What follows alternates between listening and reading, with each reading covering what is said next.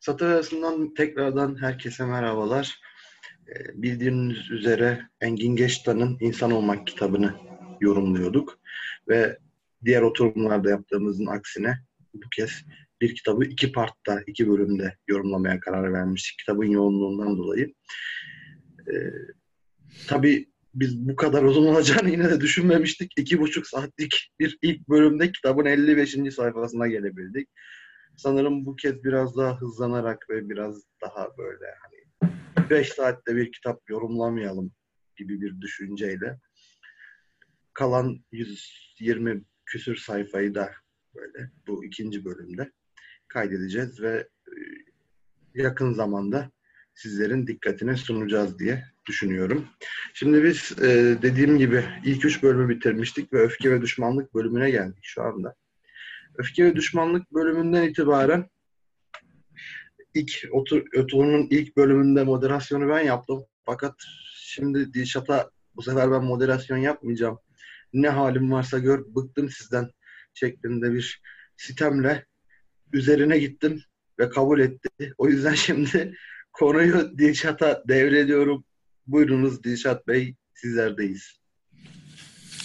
Teşekkür ederim. Eren Bey. Bu arada sitem falan dedi bayağı bildiğiniz çemkirdi. Çemkirince ben de kabul ettim. Çünkü neymiş beyefendi yeni uyanmış. Bakın bir cumartesi günü akşam saatlerinde beyefendi yeni uyandığı için bu işin moderasyonu bana kalıyor. İşin... Şimdi tam bir dakika. Madem, madem bir dakika. Şimdi laf ettim ben hemen sebebini söyleyeyim. Dün gece biraz geç yattım. Sonra sabah e, takip ettiğim bilgisayar oyununun dünya finalinin maçlarının olduğunu hatırladım. Ee,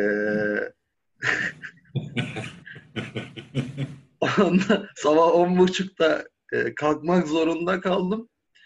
Yani çok kötü bir deneyimdi benim için cumartesi sabah on buçukta kalkmış olmak. Zaten tuttuğum takım da yenildi. Yani böyle saçma sapan şeyler.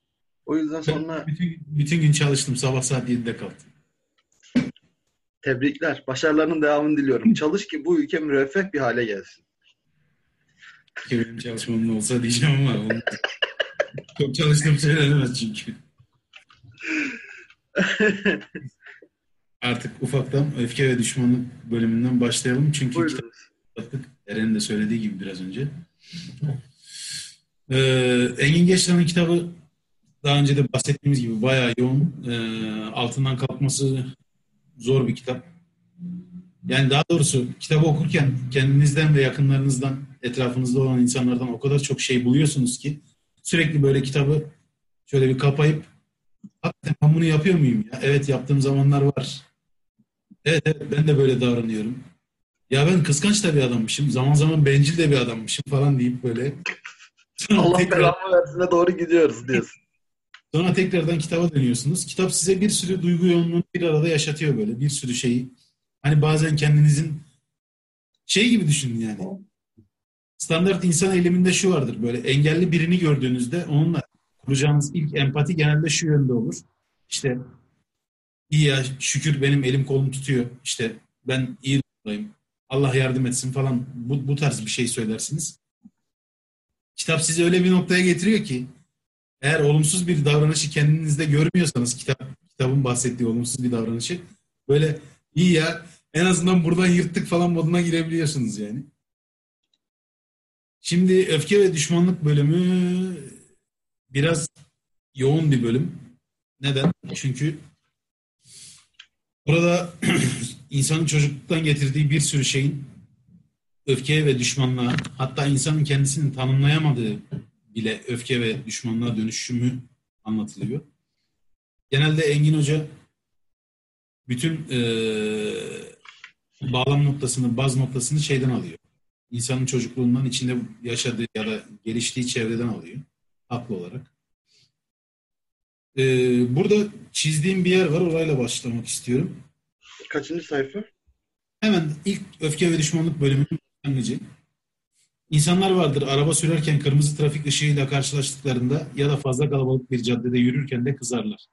Bu gibi duygular zaten öfkeli olan bir insanın öfkesine gerekçe araması sonucu yaşanır. Aynı yeri ben de çizmiş. Sen de aynı şeyleri çiziyoruz. Çok gözüme batıyorsun bu aralar. Hiç şişman diye bağırman lazımdı. Burada tam olmadı. Şimdi bu kendimde zaman zaman yakaladığım bir e, şey. İşler kötüye giderken her şeyin senin başına geldiği, her şeyin hep senin başına geliyor oluşu bir yorumlamaya kalkıyor insan böyle. Sürekli e, ya bu da hep benim başıma gelir zaten. Bu da hep beni bulur. Veya böylesi kötü şeyler de beni bulur noktasına geldiğinizde kitapta ama şöyle bir işte tanımlama olunca şey diyor hani bu gibi duygular zaten öfkeli olan bir insanın öfkesine gerekçe araması sonucu yaşanır. Evet. Zaten öyle. Yani insan... Ben esas orayı çizmişim aslında. Heh. Ben de direkt olarak orayı çizmişim bak. Bu gibi duygular diye başlayan direkt orası. Evet, aynen. Aynı şekilde sen de orayı çizmişsin. Yani arıyoruz hakikaten ve bunu burada böyle pat diye tokat gibi suratına vurunca kitap senin böyle bir hakikat ya falan oluyorsun. Bunun aslında ben şeyi üzerine konuşmak istiyorum Eren seninle biraz. Nasıl diyeyim? Böylesi bir öfkeye veya düşmanlığa bizi iten şey e, sadece çocukluğumuzdan getirdiğimiz şeyler mi yoksa çevresel faktörler de sence bu konuda çok önemli mi?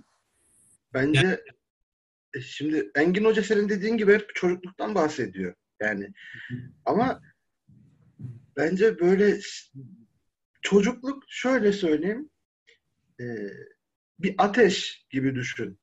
Hani sorunun esas kaynağı bir közler. Ama o çevresel faktörler de o közleri doğrultulmuş bir pervane. Yani o ateşi o yakıyor yani o harlıyor böyle anlatabiliyor muyum? Sürekli başına kötü bir şey gelen bir adamı düşün ya da kötü olduğunu düşündüğü şeyleri yaşayan bir adamı düşün. Ya da bir kadını. Sürekli böyle bu da oldu, bu da oldu. Evden çıktı sabah düşünelim.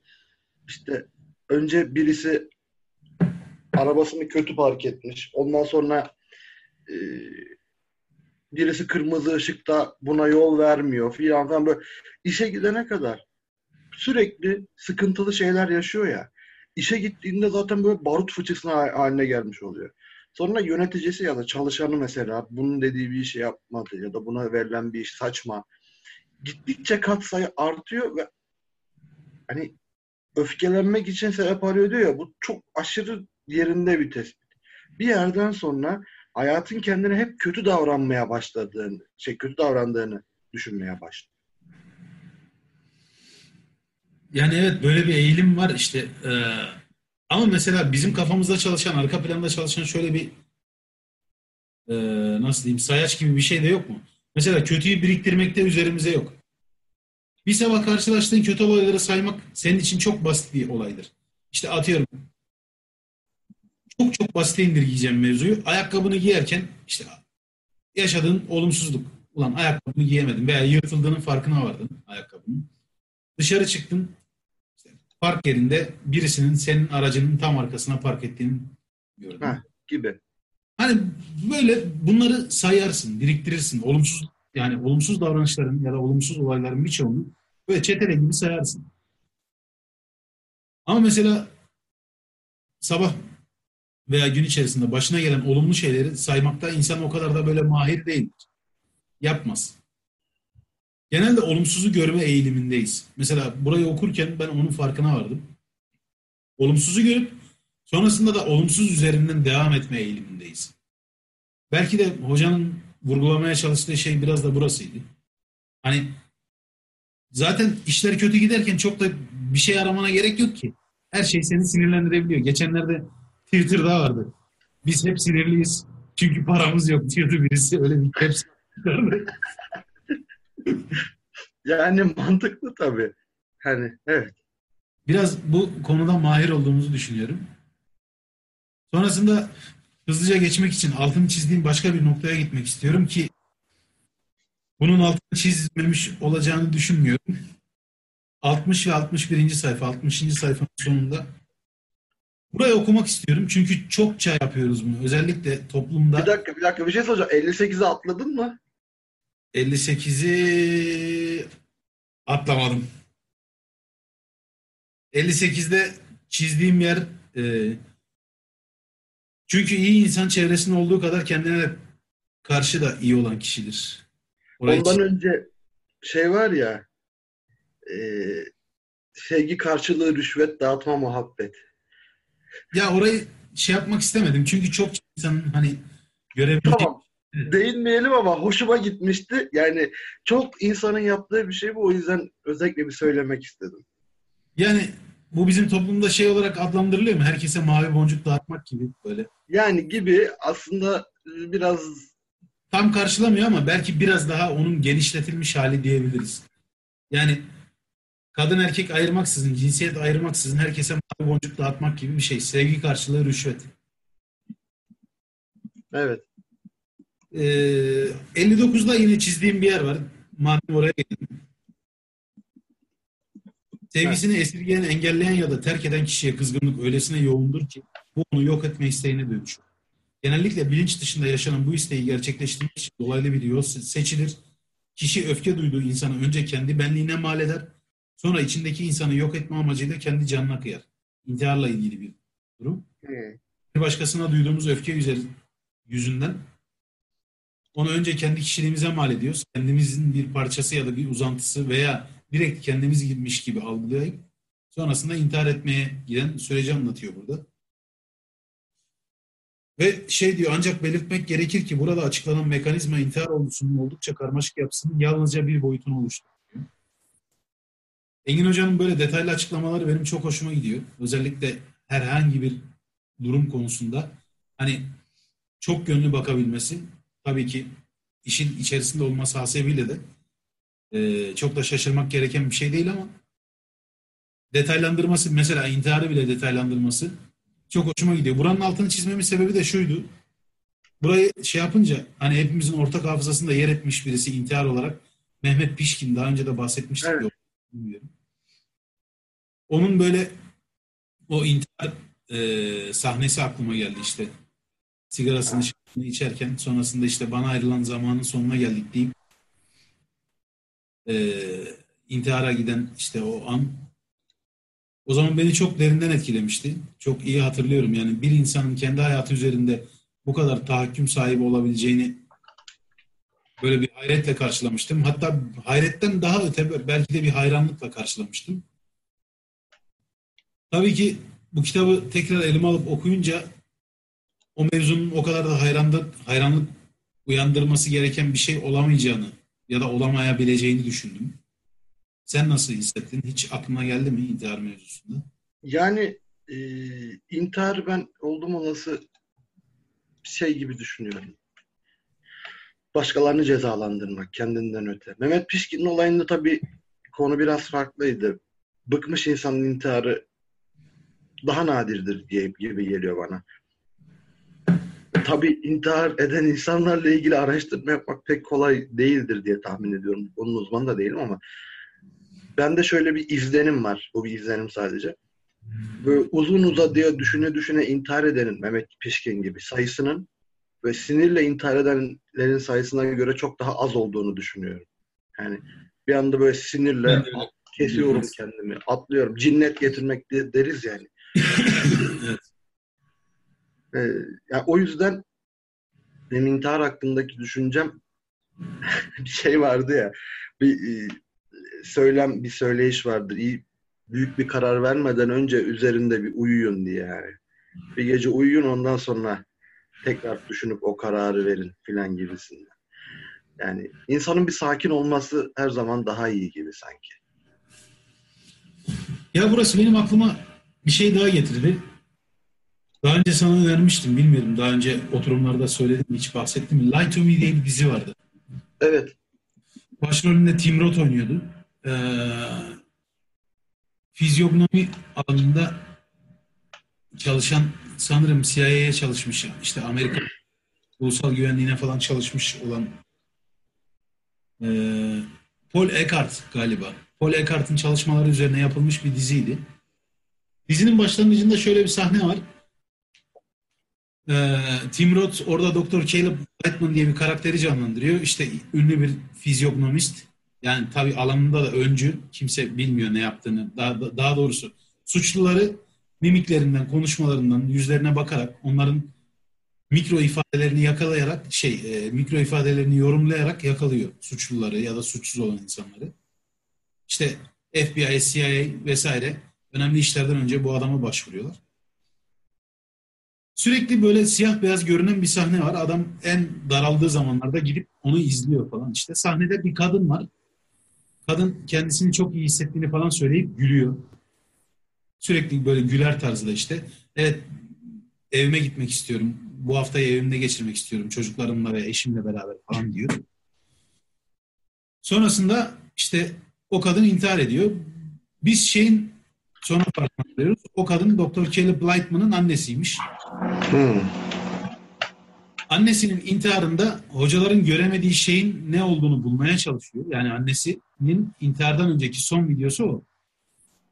Ee, bilmiyorum şu, dizide şu an nasıl hatırlamıyorum ama yanlış hatırlamıyorsam ya e, tesadüfi bir şekilde ya da bilinçli bir şekilde e, şeyi o videonun oynatma hızıyla oynuyor. Bir şekilde oyn, o, oynuyor ve oynatma hızını yavaşlatıyor. Yavaşlattığı andan itibaren o gülücüklerin altındaki mikro ifadelerde çok ağır bir depresyonun olduğunun farkına varıyor. Yani annesinin aslında yüz kaslarının kendisine ihanet edip ele verdiğinin farkına varıyor. Çünkü kadın gülerken bile aslında gözleriyle ağlıyor. Ya o sahte gülümsemenin altında saklayamadığı çok ağır bir hüzün, çok ağır bir depresyon belirtisi var. Sonrasında evet. işte o, o kurduğu bağdan dolayı, annesiyle ilgili mevzudan dolayı Caleb Lightman fizyognomi denilen bilime daha çok yoğunlaşıyor ve hani o alanda uzmanlaşıyor. Hatta e, orada şey de katmışlar. Bu bu kitabın sonunda epilog bölümünde Jung'un şeye gittiğini söylüyor ya Seylem, Afrika. Ha, evet, evet.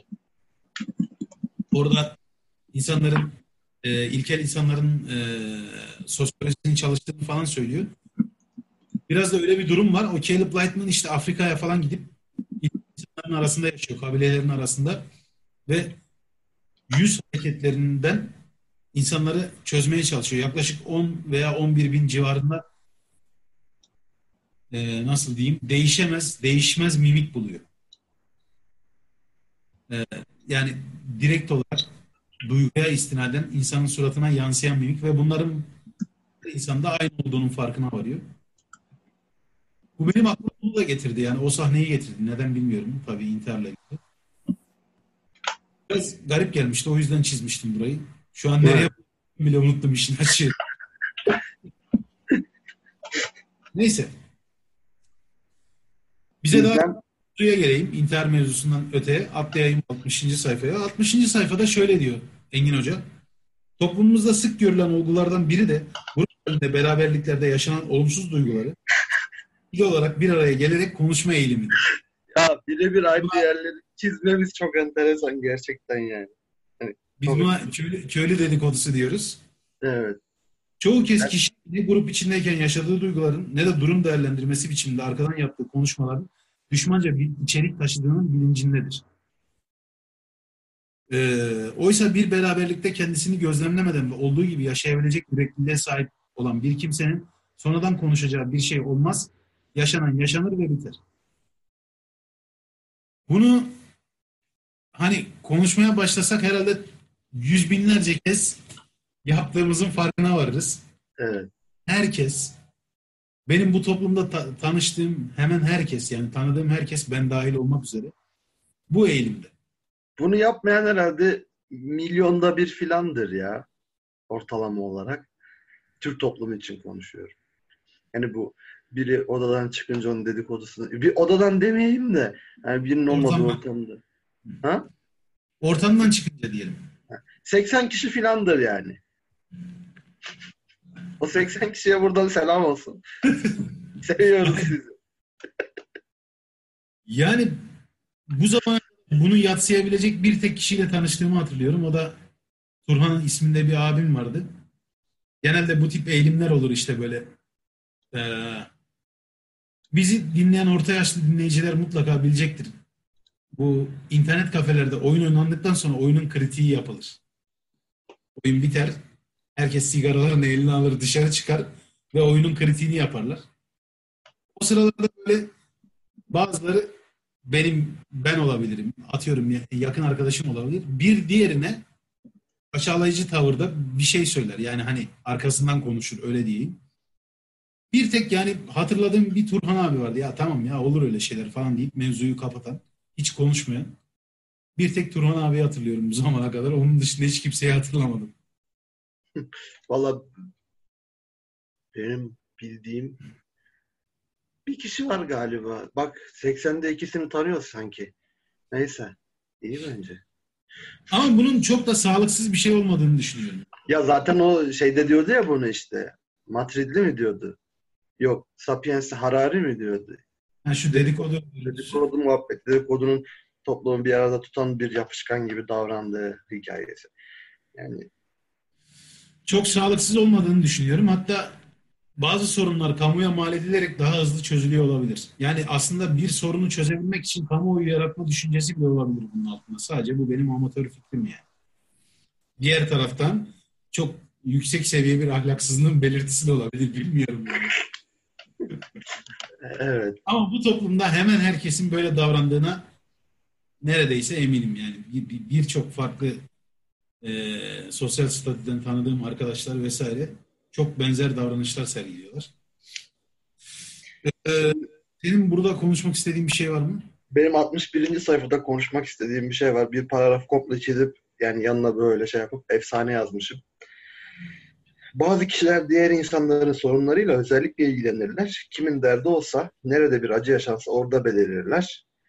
Ee, normal insanın yardımseverliğinden farklı olan bu tip tutumlarda üstü kapalı bir sadistik öğesi bulunur ve kişi diğer insanları zor durumda ya da çekerken görmekten ötürü dolaylı bir doyum sağlar diyor. Sonra devam ediyor anlatmaya. Özellikle 2. Dünya Savaşı'ndan bu yana açık saldırganlığı konu alan filmlerin yanı sıra deprem, yangın, kaza vesaire içerikli filmlerin çok sayıda izleyici bulunabilmesi ve bu, bu filmlerin sayısının giderek artması da oldukça anlamlıdır diyor. Şimdi burada aslında tam olarak şeye varıyor. Yani başkalarının acısını görünce hoşumuza gidiyor ya. Yani gidiyor aslında. Bunu söylerken ben kendi kendime bile rahatsız oldum ama demek ki gidiyor ki Engin Geç'ten böyle bir tespit yapmış ve bu kadar post apokaliptik ya da insanların cayır cayır öldüğü filmleri izlemeyi seviyoruz. Neyi düşündürtü bu sana? Bana mesela biraz garip bir şekilde kapitalizmin bu mevzuyla nasıl kol kola girdiğini düşündürtüyor. Yani özellikle şu film muhabbeti var ya. Evet. Yani şunu söylemeye çalışıyorum. Kapitalizmin işine çok yarıyor bu. Mesela nereden okuduk, okuduğumu hatırlamıyorum ama daha önce de bahsetmiş olabilirim. Bir şeyden bahsediyorum çünkü. Bu yapılan bir çalışmaya göre ama tekrar söylüyorum nerede okuduğumu hatırlamıyorum. Ee, bu tip filmleri izleyen, bu tip filmlere çok maruz kalan insanların daha çok dışarıdan yeme eğilimi gösterdiği, dışarıdan daha çok yemek sipariş ettiği, daha az ev dışına çıktıkları. Anladın mı? Yani bu çarka, kapitalizmin çarkına dolay, dolaylı değil aslında direkt yoldan çok ciddi bir katkı sağlıyor. Enteresan. Kıyamet senaryolu işte distopik filmler böyle bütün dünyanın yıkıldığı, yok olduğu vesaire hani birilerinin acılarına odaklanmış filmler insanlarda dışarı çıkma eğilimini azalttığı gibi dışarıdan daha çok sipariş verme e, de arttırıyor. Ve birçok e, yiyecek şirketiyle birçok eğlence şirketinin o entertainment mı oluyor? Evet. Aynı zamanda devam etmelerinin temel sebeplerinden birisinin bu olduğunu söyleyen bir çalışma vardı. Nerede okuduğumu hatırlamıyorum dediğim gibi. Doğruluk payının olup olmadığını da bilmiyorum. Ama biliyorum mesela çok basit bir şey insan e, davranışıdır standart. Hava kapalıysa çok dışarı çıkmak istemez. Yani basitçe, basitçe söylemek gerekirse. Hava kapalıysa çok dışarı çıkmak istemez. Ne bileyim iyi yalıtılmış ses anlamında yalıtılmış bir ortamda güzel bir kıyamet filmi izliyorsan atıyorum veya ne bileyim işte 2012 post apokaliptik bir şey izliyorsan hani böyle daha çok yatağına gömülme eğilimi Evet. bulunduğun alanda, güvenli alanda kalma eğilimi insanda sanki yoğunlaşıyor gibi bir his var içinde. Tabii ki dediğim gibi bunların hepsi amatör yorumlar. Hiç bilemiyorum. Ya ben o, o açıdan bakmamıştım okurken. Ben daha çok insanların vahşeti nasıl diyeyim? Mesela ben şeyi hiç anlamam. Korku filmlerini insanlar neden sevdiğini hiç anlamam. Ben nefret ederim, izlemem. Yani işte o testereler, bilmem neler, yok Freddy, Chucky filan. Yok bende onlar. İşte egzorsistler vesaire. Ama sanırım bazı insanlar sadist ya da işte mazoşist bir şekilde Engin Geçtar'ın dediği gibi başka insanların acı çekmesini görmeye görmeyi seviyorlar. İşte bu tip filmlerde de öyle. Ama dediğin nokta doğru muhtemelen. Yani bir insana sürekli post apokaliptik filmleri izletirsen o adamın bilinç altında bir yerden sonra şey imgesi uyanır yani.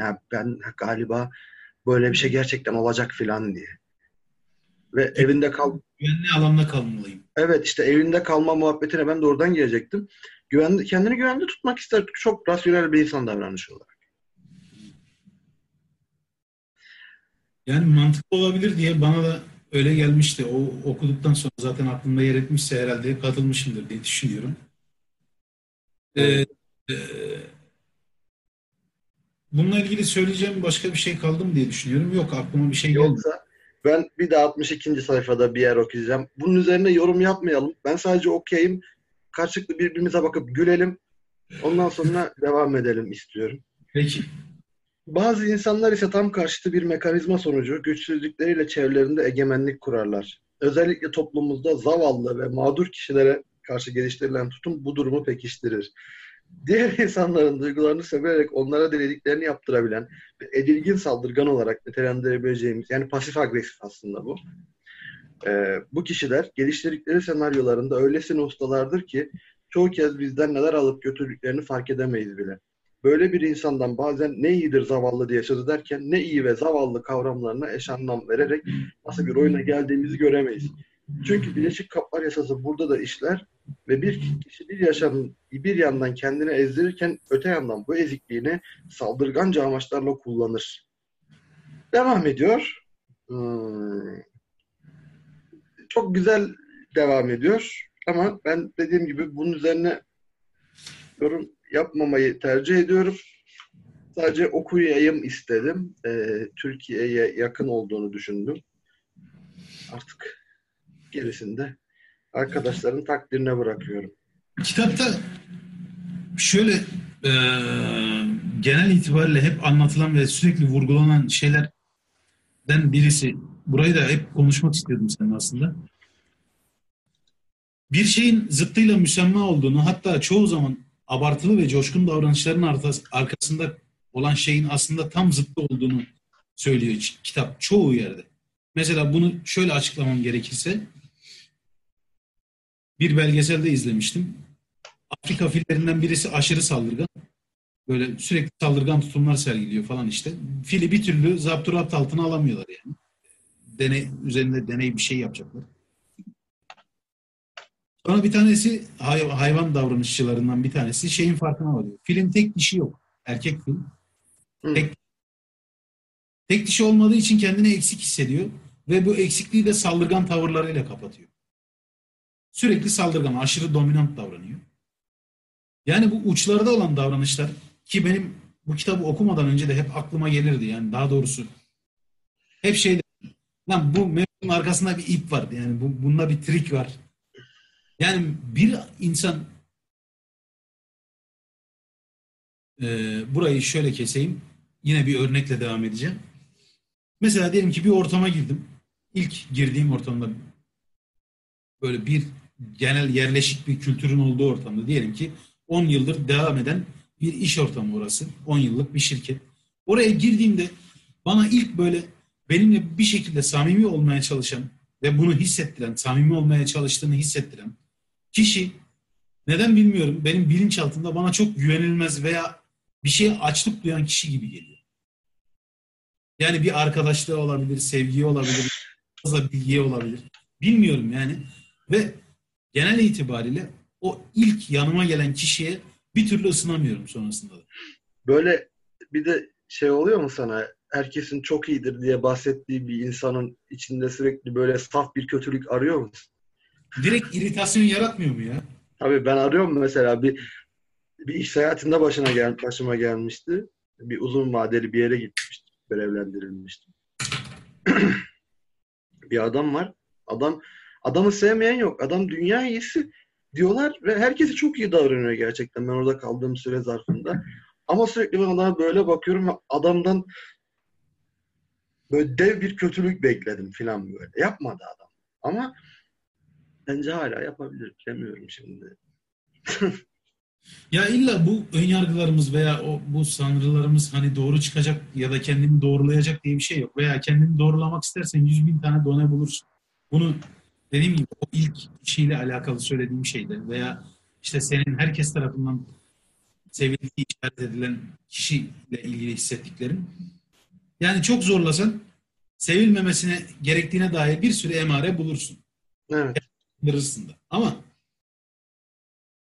aslında mevzu bu, bu da değil ya. İnsan artık bilmiyorum belki bilinç altında seziyorsun yani şeyi. Karşındaki kişinin güvenilmez veya kötü veya ne bileyim seninle bir ortak paydada buluşmayacak bir kişi olduğunu. Hep kafamda şu diyor benim.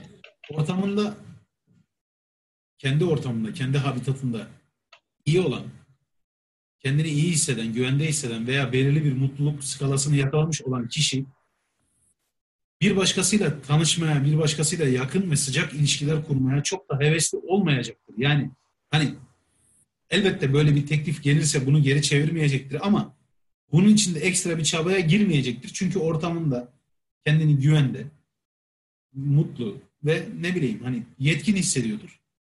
Ekstra bir çabası olmayacaktır. Ama ekstra bir çabası varsa şey diyorum demek ki şeyinden mutsuz, bulunduğu konumdan mutsuz vesaire. Hani acaba bunun kendiyle bağdaşan nedenleri olabilir mi? İster istemez kafamda bunu sorgulayıp ön yargılı davrandığım insanlar oluyor. Yani yok. Burada aklıma Ya. bu geldi. Bu arada bu öfke ve düşmanlık konusu ne kadar uzun işlendiğinin farkında mısın? Evet. Ee, burada seni beni götürmek istediğin bir sayfa yoksa seni başka bir sayfaya götüreceğim. Olabilir. Bence böyle biraz hızlı hızlı da atlayabiliriz artık. Yani sen Olabilir. Evet, dinliyorum. Sendeyim. Buyurun. Mesela şöyle bir yer var. Günümüzde çoğu aydın bir araya geldiklerinde duygularını yaşayacakları yerde soyut kavram tartışmaları aracılığıyla ilişki kurma eğilimi göstermekteler.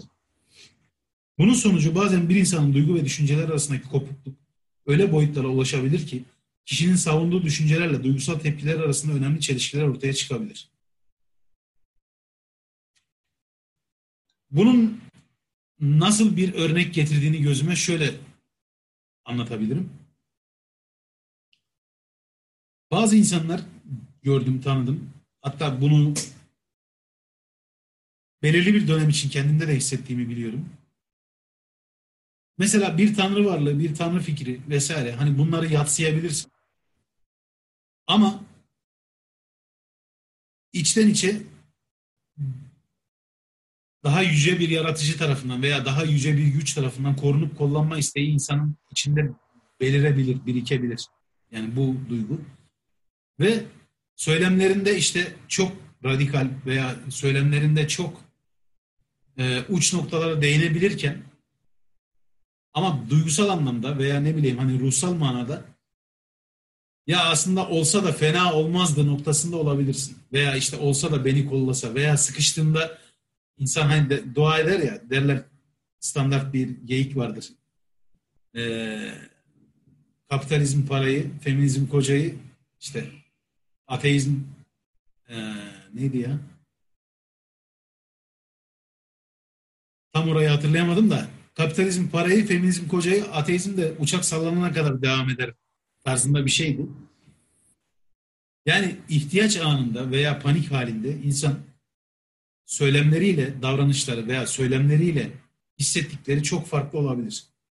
Bununla ilgili ne düşünüyorsun? Kendini koruma isteği ya da kendini ön plana koyma çabası. Hiç kendinde yaşadın mı bunu? Onu soruyorum sana. Yok ya ben e, bundan kaçınmaya çalışıyorum. Oldum olası. Çünkü muhtemelen tıpkı dedelerimin yaptığı gibi e, ikisinde değil birinin özellikle belli bir yaştan sonra e, dine döneceğim. Yani diğer dönem zaten dindardı. O, bahsetmiştim oturumun birinci bölümünde. Diğeri de hani ihtiyarlayınca dine döndü. Olur ya camiler hep yaşlı adamlarla doldur. Yani vakit namazlarında falan insanlar giden varsa dikkatini çekmiştir. Dolayısıyla ben mesela din, din konusunda ben inandığımı zaten söylüyorum biliyorsun. Yani bunun haricinde yani az çok beni tanıdı, tanıyor izleyenler sen çok daha iyi tanıyorsun. Ben olduğum şeyi söylemeye çalışıyorum genelde. Çünkü söylemezsen bir yerden sonra e, kendinle çelişmeye başlıyorsun. Anlatabiliyor muyum? Bu his güzel bir his değil. Kendiyle çelişme hissi. Ya ben de tam tersini düşünüyorum ya o konuda. İnsan bence zaman zaman kendiyle çelişmeli ki. Çeliştiğinin farkına varıp stabilite, stabilitesini bulabilmeli. Yani hani yerini, zeminini tekrar tartıp ona uygun hareket etmeli. İnsanın çelişkisi bence geliştiğini de gösteriyor ya. Tabii her e, durumda, her ortamda, her harekette çelişmemelisin kendini ama zaman zaman çelişkinin ben aslında iyi olduğunu düşünüyorum. Çünkü Neden? çelişmek düşüncelerinin değiştiğini göstermez mi sana? Yani bir gelişim yaşandığını, iyi ya da kötü fark etmez. Şöyle ha, sen çelişmek dediğin bir değişimin sonucu olarak söylüyorsun. Evet, evet. Benim, benim anlatmaya çalıştığım o değildi. Benim anlatmaya çalıştığım şey şu. Tutarlı bir şekilde çelişmekten bahsetmedim burada. Bir gelişimin göstergesi olarak çelişmek. Benim anlattığım böyle hani başka bir şeye inanırken tam tersi hareket yapmak. Yani o inancın değişmiyor. Senin dediğinde inanç da değişiyor. Çelişkinde. Seninkinden. Evet yani hani o bir, biraz daha olumla, olumlanan bir çelişki oluyor. Evet. Ya o tabii o sağlıklı canım. Yani iyi İnsan sağlıklı olması yani aynen sağlıklı olduğunu düşünüyorum. Diğer yandan dediğim gibi birçok insanda gözlemledim. Zaman zaman kendimde gözlemlediğim zamanlar da oldu. Muhtemelen kabulleniş aşamalarında veya bazı e, radikal olduğunu düşündüğün, tabu olduğunu düşündüğün fikirlerin kabulleniş aşamalarında insan bu tip çelişkiler yaşayabiliyor. Yani söylemle inanışlar veya söylemle davranışlar kendinin bile ciddi manada sezemeyeceğin anlamda farklılaşabiliyor, farklı olabiliyor. Bunu tespit edip üzerine gidebilmek veya öncesinde kabullenebilmek bence insanı bir nokta daha ileriye götüren bir davranış. Öncesinde kendinle çeliştiğini kabul edebilmek ve sonrasında işte bu çelişkiyi ortadan kaldırabilmek için bir şeyler yapabilmek. Yani duygu durumunu ya da huzur, iç huzurunu stabil bir pozisyona koyabilmek açısından bence kabullenip devam etmek iyi. Hmm. Bu öfke ve düşmanlığı burada bitirelim diyorum. Zaten sonuna geldik. Buradan tamam. sonra değersizlik duygusu. Ha bu arada öfke ve düşmanlığın sonuna şöyle bir not almışım ben. Okumamı ister misin? Olur. Bilmiyorum tabii nasıl bir kafayla yazdım bunu bilmiyorum da şey demişim, insanın bedeni evrimiyle fikri evrimi arasındaki fark her ne kadar birbirinden uzak ve bağımsız gibi görünse de aslında çok benzer ve aynı yavaşlıkta bir mekanizmanın işlediği ortada. İnsan kendini ve duygularını dinleyip değerlendirmeli ve hissettiği olumsuz duygular, suçluluklar veyahut istemeden içerisine düştüğü durumlar için kendisine çok yüklenmemeli. İçerisinde bulunduğu e, burayı okumayayım. Bu burası özel bir bölüme giriyormuş. Pardon. Tamam. Anlaşıldı. Ee, aslında şunu söylemek istedim. Herhalde ilk insansı primatlar, işte yani insansı primat diyorum özür dilerim. İlk insansıların ortaya çıkışı herhalde 3.3 milyon yıl önce falan. Bu Turkana Gölü diye bir yer var Afrika'da. Orada bir yerlerde. Lemurların mı? Ha? Lemurların mı? Yok lemur değil. İlk işte hominidlerin ortaya çıktığı yani çok daha öncesinde lemurlar vesaire hani primatlar, kuyruksuz primatlar vesaire onlar değil de hominidler diyelim. İlk hominidlerin ortaya çıktığı yer taş alet yani bulunan taş aletler. Bundan önce hep 2.6 milyon yıla tarihlendiriliyordu. Artık 3.3 milyon yıla falan tarihlendirilen bir yer var. Turkana Gölü çocuğu diye bir tane çocuk var işte. Hominid çocuk. Yani şeyi söylemeye çalışıyorum.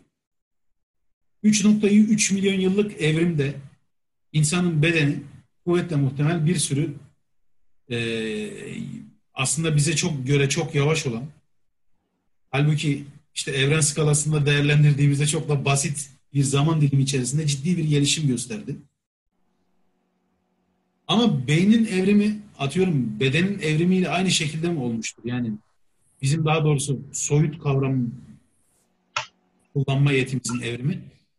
Burası bana biraz onu düşündürdü. Yani hmm. aynı skalada gitmemiş olabilir. Aynı düzlemde gitmemiş olabilir. Sanki beynin evriminin biraz daha yavaş olduğu. Yani biz bedeni evrimimizi atıyorum yüzde yetmiş oranında tamamladıysak bu yine amatör çok da savaş. Anladım demek, anladım demek istediğin şey galiba. Evet. Zihni evrimimiz yüzde otuzlarda yüzde kırklarda devam ediyor olabilir. Evet. Mantıklı bir teori bence. Bilmiyorum olabilir. Hadi dersin. Yani, insan, insan bence de bundan sonra bedenini, zihnini kullanarak geliştirecek. Yani mesela teknolojinin yardımıyla, sağlıktaki gelişmelerin yardımıyla falan filan gibi. Ben de öyle düşünüyorum bu konuda yani. Yani arada işte dediğim gibi tam bir ciddi bir korelasyon olmayabilir yani hani beden ve zihnin evrimi arasında çok ciddi bir korelasyon olmayabilir. Tam bilmiyorum. Ee, değersizlik duygusu bölümü de kısa olan bölümlerden birisi. Burada insan değersizlik duygusundan duygusunu hisseden, değersizlik duygusunu hisseden insanın dair detaylı açıklamalar vermiş Engin Hoca veya nasıl davranabileceğine dair. Altı, altını çizdiğim yerlerden birisi şurası. Değersizlik duyguları yaşayan biri için ya kendinden üstündür ya da eşiti yoktur.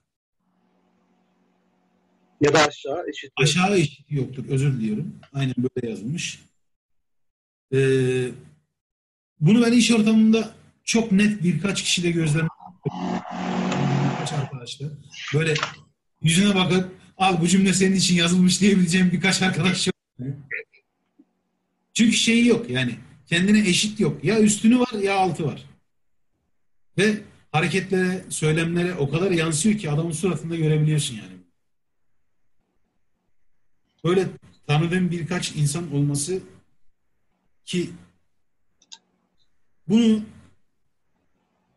birçok insanın zaman zaman farkında olarak ya da olmayarak yaptığını da düşünüyorum. Yani, sağlıklı olarak nitelendirebileceğimiz birçok insanın da yaptığını düşünüyorum. Evet. Ama e, sanırım biraz da şeyden yani günümüz şartlarından, kapitalizmden ya da insanların sınıflandırılmaya olan ihtiyacından falan gibi. Yani şey, ben, ben, ben yerimi bileyim. Ben yerimi bileyim mevzu. Herkes herkes yerini bilecek kardeşim falan gibisinden yani. İşte o mekanizmayı sürekli o çarkı besleyen şey var. Kapitalizmde. Biri senden başarı olarak ya üsttedir ya aşağıdadır. Hiç ortası yoktur yani. Eşitin çok kolay kolay bulunmaz. Hep böyle o çarkı besleyecek bir şeyler olduğu için sen de bu eğilimde oluyorsun. Yani şu an içerisinde bulunduğumuz sistem rekabet üzerine düzenlendiği için biz de kendimizi üstünler, eşitler ya da aşağılar olarak görüyoruz. Yani daha doğrusu eşitler olarak göremiyoruz. Ya üstünler ya da aşağılar olarak görüyoruz. Ee, ben burada bir noktaya değinmek istiyorum 76. sayfada. Ee, değersizlik duygusu yaşayan bir insanla ilgili, onun yakınlarındakiyle, yakınlarında olanlarla ilgili konuşuyor. Diyor ki, değersizlik duyguları yaşayan bir insan kendini değersiz varlığı, tanımadığı hakları başka insanlara tanıma eğilimindedir. Ancak genellikle kendi yakınları, daha doğrusu kendine bak bağımlı olan eş, çocuk, bebe kimseler bunun dışında kalır. Çünkü kendisi gibi onları da kimser ve değersizliğinin bir uzantısı olarak algılar.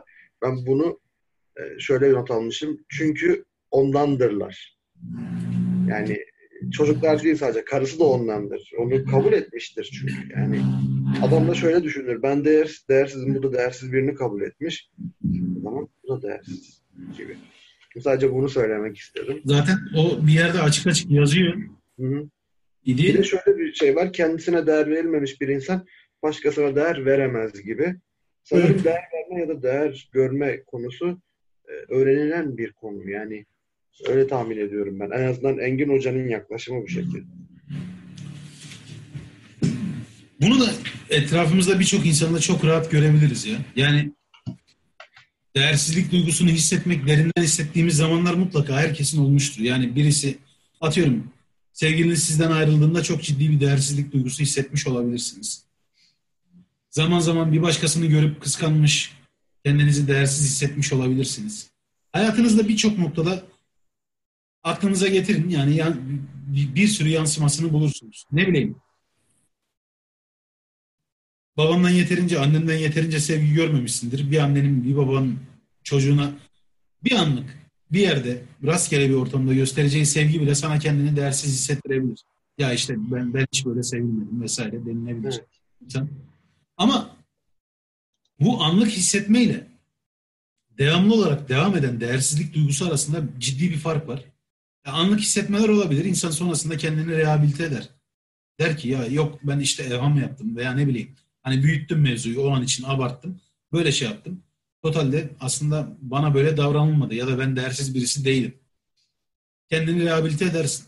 Ama sürekli olarak değersizlik duygusu hisseden biri, kendi içerisinde kendini hep aşağı ve değersiz olarak gören biri etrafında mesela diyelim ki sevgisine karşılık veren birisi var işte eşi diyelim veya işte sevgilisi sevgisine karşılık veren biri onu da değersiz olarak algılıyor çünkü kendine hiç değer vermiyor kendini değersiz olarak görüyor ve içten içe onu da aşağılıyor sen benim gibi değersiz birini nasıl kabul edersin veya benim gibi değersiz biriyle nasıl vakit kaybedersin tarzında abi bunun gittiği yer çok ürkütücü değil mi ya yani sonrasında her iki kişinin de ölesiye mutsuz olduğu nevrotik, kısır döngülü bir birliktelik ya. Böyle bir, hiç loop'tan çıkamıyorsun.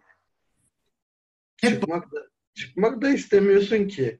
Ha, yani bir de bağımlılık ilişkisi de geliştirdiysen, evet. bağımlılık durumu da geliştirdiysen resmen mevzu şeye dönüyor. Eline, eline sağlık. Hani biz bu şeyi kapattık. Bu loop'u kapattık. Siz bu yörüngede dolanıp durun.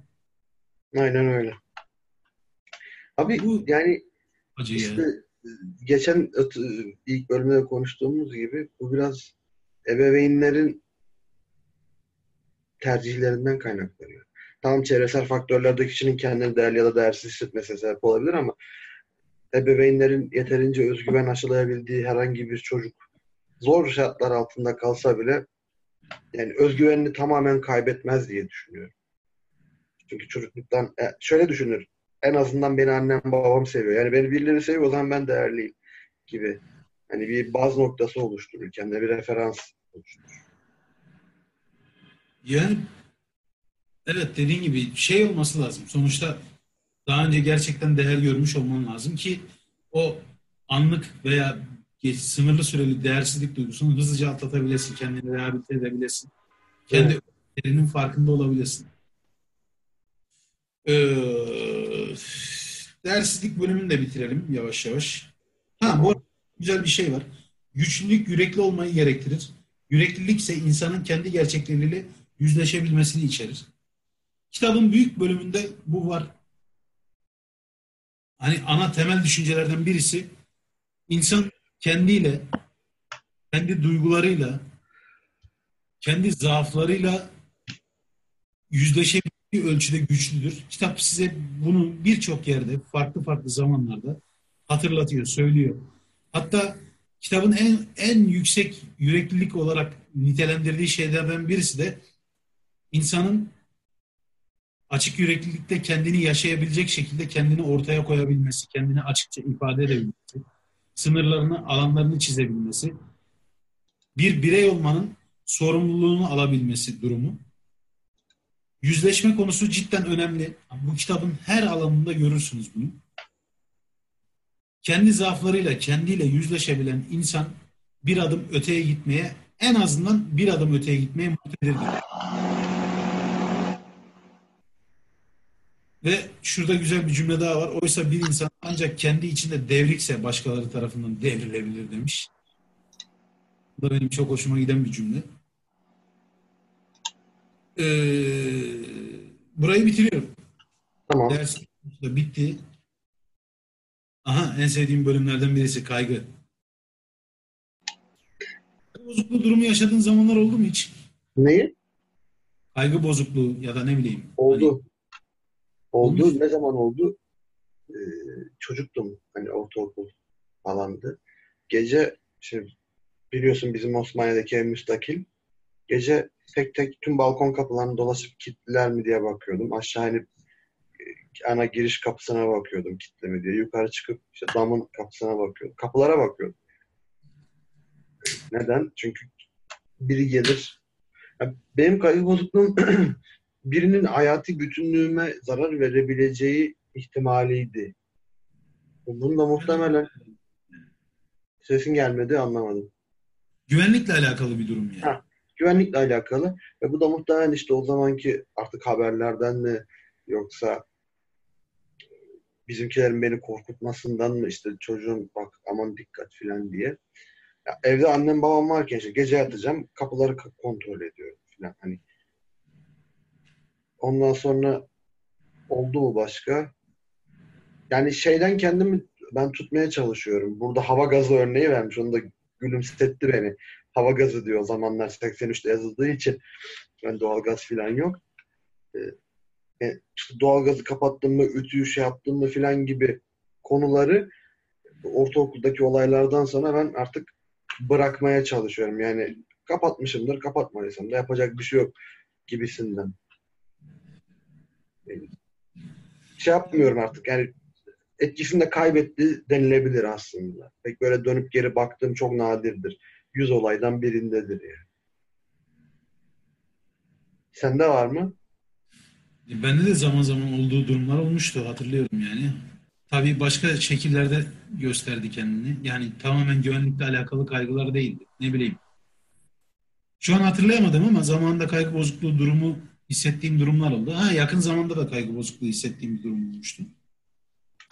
Ama sonuçta bir şekilde insan eğer e, gerçekten o durumun içinden çıkmak isterse ya yardım alarak veya kendini gerçekten hangi durumla alakalı kaygı duyduğunu hani önce problemin kaynağını tespit ederek çözmek isterse tabii yine söylüyorum. Çözebiliyor bu durumu yavaş yavaş. Önce tabii tespit etmek, farkında olmak gerekiyor. Farkındalık önemli bir şey.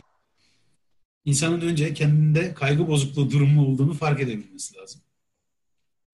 Burada güzel bir şey var. Pasaj var. Ee, Kaçıncı sayfa? 85. sayfanın sonu. Hı. Çünkü kaygı bulaşıcı bir duygudur ve kaygılı insan çoğu kez çevresini sokmayı başarır. Ancak bu arada ilginç bir çelişki de yaşanır. Kaygılı insan kaygılarına katılmayan kişilere karşı bir yandan kızgınlık yaşar ve onları kendisine ciddiye almamakla suçlarken öte yandan kendisiyle birlikte sürüklenmedikleri için onlara saygı ve güven duyar. Bu böyle şey gibi olmuş. Kaygılı bir insanı nasıl teskin edebileceğiniz konusunda bir manuel, el kitabı gibi olmuş burası. Çok hoşuma gitti benim. Genel itibariyle benim kaygı bozukluğu durumunu yaşadığını düşündüğüm yanımda olan insanlardan birisine dair hani genel o an için yaklaşım tarzım buna çok benziyor aslında. Onunla beraber o kaygı bozukluğu girdabına devam edersen, kapılırsan sürüp gidiyor mevzu. Ama sen böyle muhkem kaya gibi böyle ayağını yere sağlam basıp hayır öyle değil bak şöyle şöyle durumlar da var. O yüzden mantıklı olan böyle düşünmek olabilir dediğinde yani onun girdabına kapılmadığında öncesinde sizi suçluyor. Böyle saldırmaya devam ediyor. Beni ciddiye almıyorsun veya kaygılarımı ciddiye almıyorsun diyor ama sonrasında yavaş yavaş o saldırıların ve kaygı bozukluğunun dozajı düşüyor. Bunu birçok kere kendim de e, şey yaptım. Deneyimledim. Hatta ben kaygı bozukluğu durumu yaşadığımda birine böyle anlattığımda yakın bir arkadaşıma, dostuma böyle davranması muhtemelen benim için en en e, iyi durum olacaktır ya da en iyi tedavi yöntemi olacaktır o an için diye.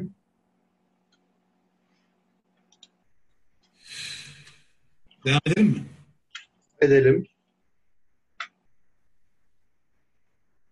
Aslında bu kaygıyı daha uzun konuşmak istiyorum ama farklı farklı yerleri çizmişim. Bir de sen bugün çok huysuzsun.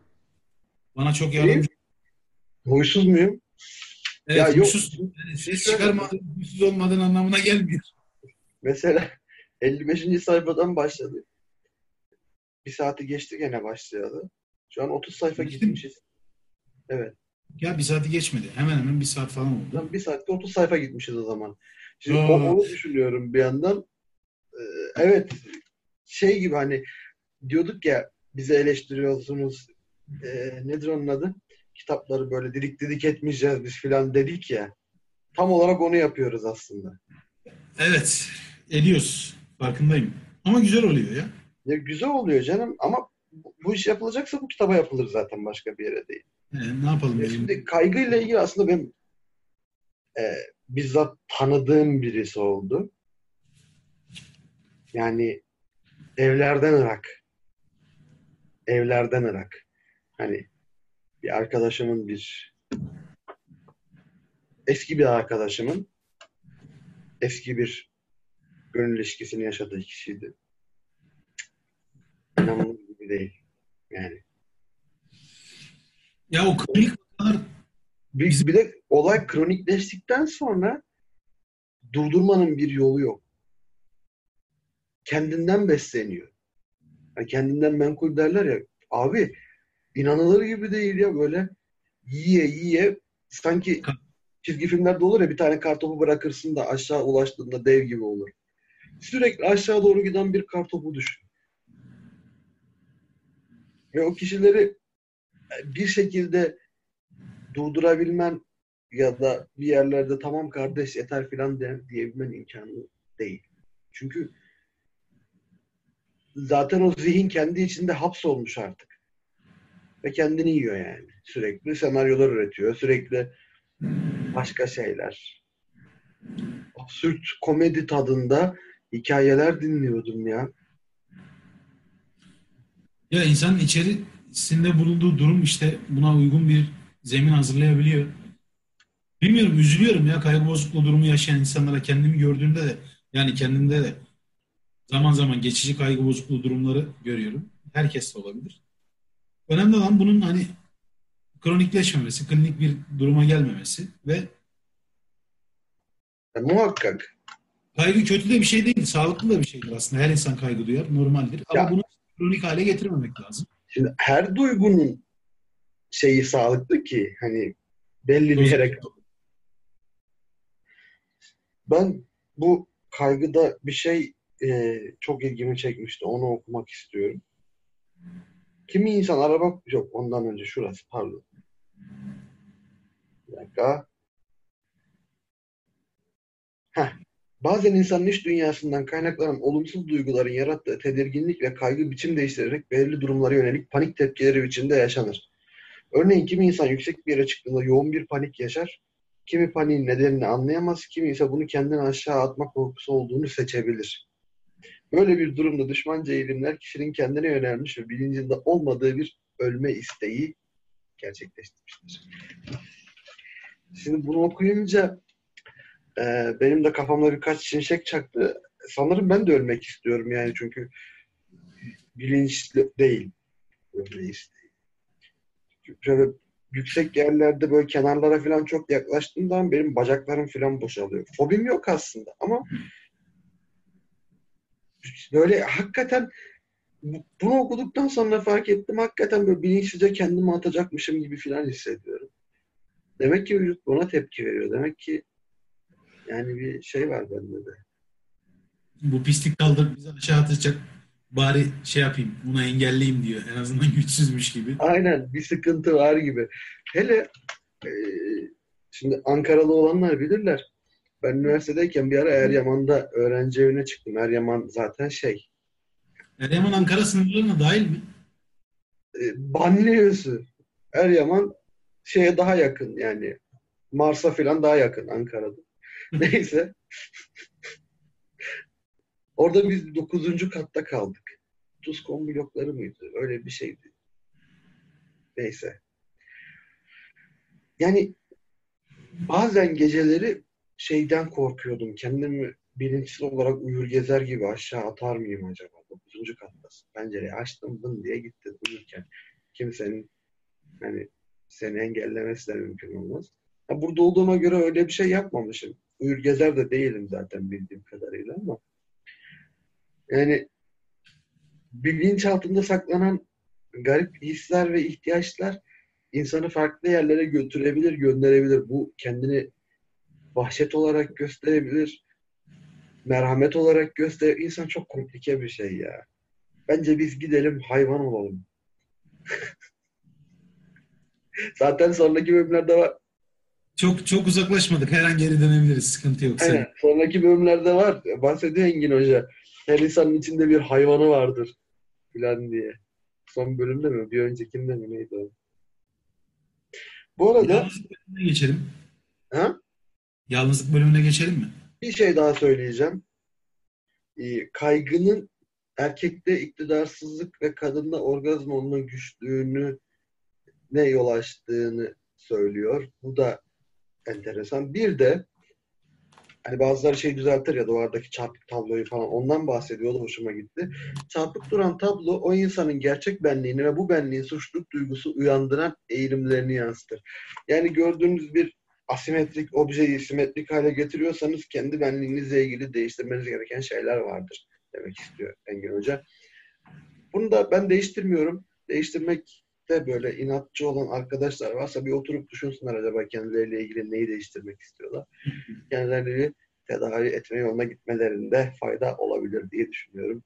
Tabii tüm bu söylediklerimizin yanında e, yani biz de kabul ediyoruz kendimizde gördüğümüz olumsuz şeyleri. Siz de kabul edin. Bu tedavi olmanın başta ilk adımıdır bence. Yani tabii kendi kendinize tanı koyun demiyorum. Evet bunu ben de yapıyor olabilirim demek güzel bir başlangıç olabilir ve çok ciddi tabii problemlerinizin olduğunu düşünüyorsanız bir uzmana görünmenizde de fayda olabilir. bir daha söylesene o cümleyi. Çok güzel söyledin. şey kamu spotu gibi oldu değil mi? Bir uzmana görünmenizde fayda var. Ne kadar da eğitimli, ne kadar da entelektüel birisi. Ne kadar da gıcık bir adam. Tövbe estağfurullah. Ya bazen çok gıcık göründüğümü biliyorum. Ee, belki öyleyimdir. Benim bilinçli seçim burada göstermek göstermeyi tercih ettiğim karakter bu. Hatta Dişat'ın bana bir yerde Osmaniye'de böyle neredeyse yakama yapışıp sen neden böyle yapıyorsun? Neden neden söyle filan demişliği vardı. E, evet burada biraz bayağı gıcık görünüyorum. Normalde bu da senin kendini koruma biçimin ya. O zaman o gün farkına vardım bunun. O gün ben sana zaten kendim söyledim yani. Kendini koruma biçimin. Yani saygı duyuyorum. Ha, o sahneyi hiç unutmayacağım çünkü gerçekten kafana bir tane patlatmak istemiştim. Bayağı sinkaflı bir konuşmaydı. Karşılıklı sinkaf. O sin diyor, ben kaf diyorum. Ya da o kaf diyor, ben sin diyorum. Öyle devam ediyor. Evet. Sorumluluktan evet, kaçış bölümü var. Kaygıdan hemen sonra. Sorumluluktan kaçış benim en sevdiğim bölüm. Çünkü ben bazı sorumluluklarımdan çocukluğum boyunca kaçtım. Kaçırdım. Hala da kaçıyorum. İşin şakası bir tarafa sorumluluklarla sorumluluklarınızla yüzleşebildiğiniz ölçüde nasıl diyeyim olgunlaşıyorsunuz, büyüyorsunuz. Yani kitapta aslında bunu anlatıyor. Sorumluluktan kaçışın kendini ne şekillerde gö- gösterdiğini anlatıyor. Mesela çok hoş yerler var. 97. sayfada bir yer var. Çok bir cümle işaretlemişim. yapılması gerekeni yapmak yerine sürekli kendini lanetlemek de bir tür bir uyuşturucu olarak kullanılabilir yazmış Engin Hoca. Yani yapmanız gereken şeyi biliyorsunuz ama bir şekilde özellikle yapmıyorsunuz veya tabiri caizse hani kıçınızı kaldırıp yapmıyorsunuz. Bu ben dahil herkese söylediğim bir şey.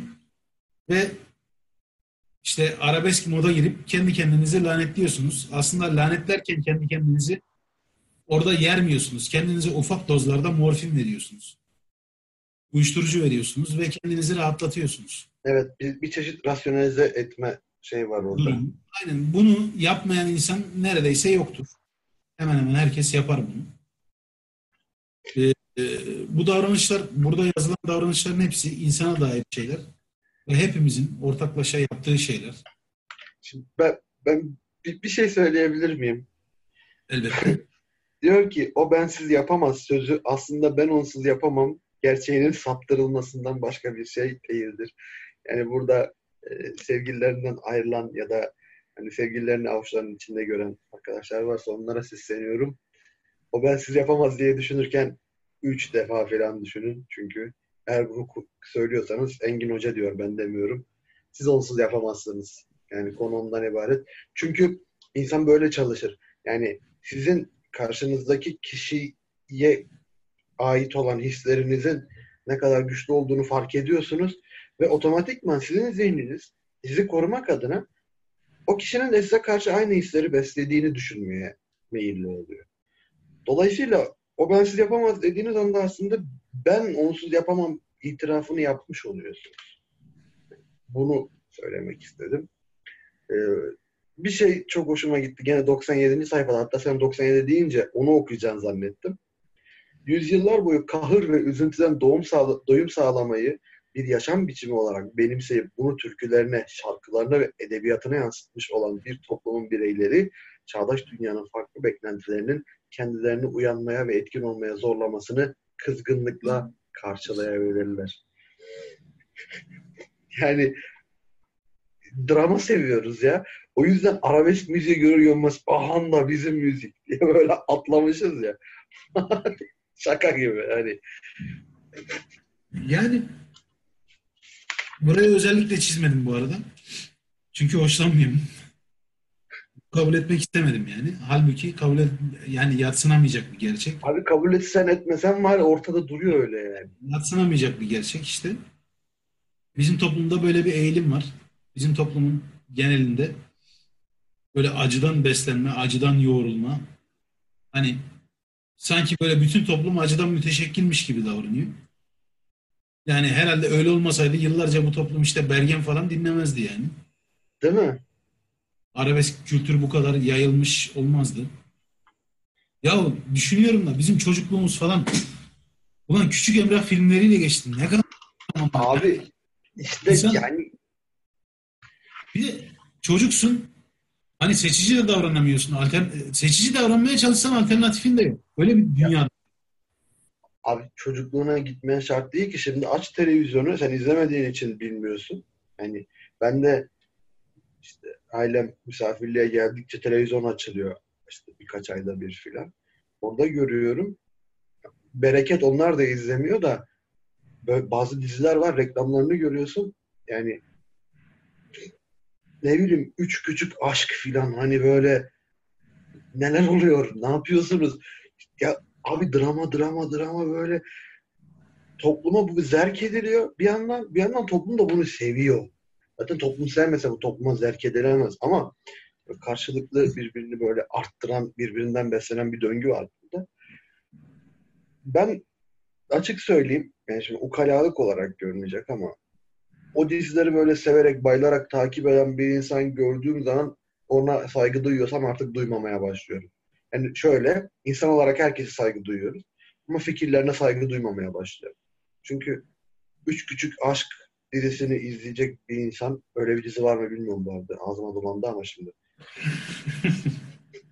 yani e, ben onun düşüncelerini ciddiye alıp da cevap veremem. Ona zahmet edemem. O kadar zamanım yok. Yani şöyle o kadar zamanım yok derken de yani hayatımız kıymetli.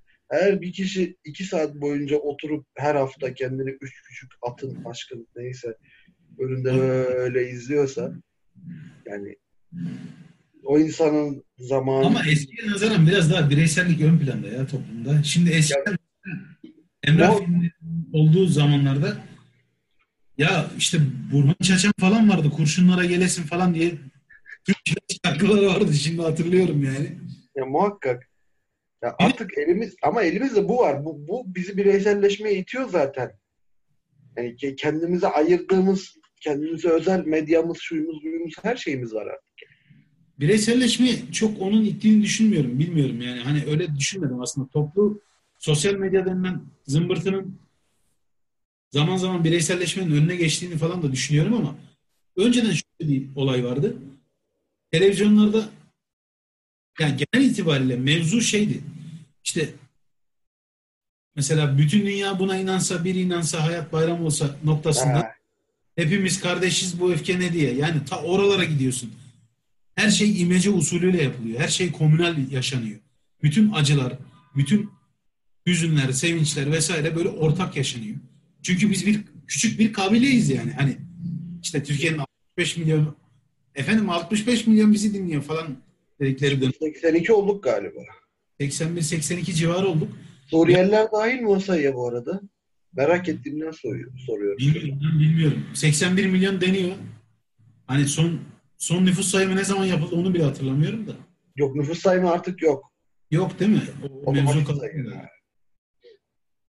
Yani o zamanlarda bu imece işte yani bireyselleşmenin önüne ne geçebilirse o zamanlarda hepsi vardı ya.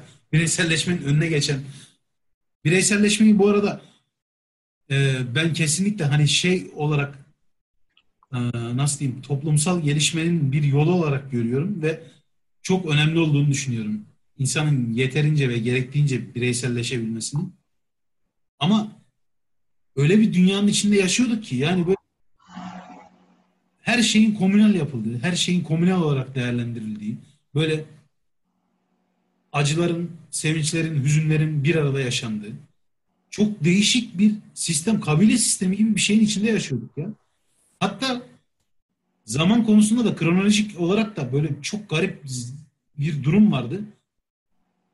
İstanbul, Ankara veya İzmir gibi yerlerde Adana'yı ayrı tutuyorum. Yine Adana'da bunlardan birisi. Ama mesela Osmaniye'de durum farklı işliyordu. Şöyle biz Osmaniye'de 90'ları yaşarken 90'ların çocuğu çocuğuyken yani zaman üzerinde aslında bir zi- biz zihniyet olarak 80'lerin çocuklarına denktik.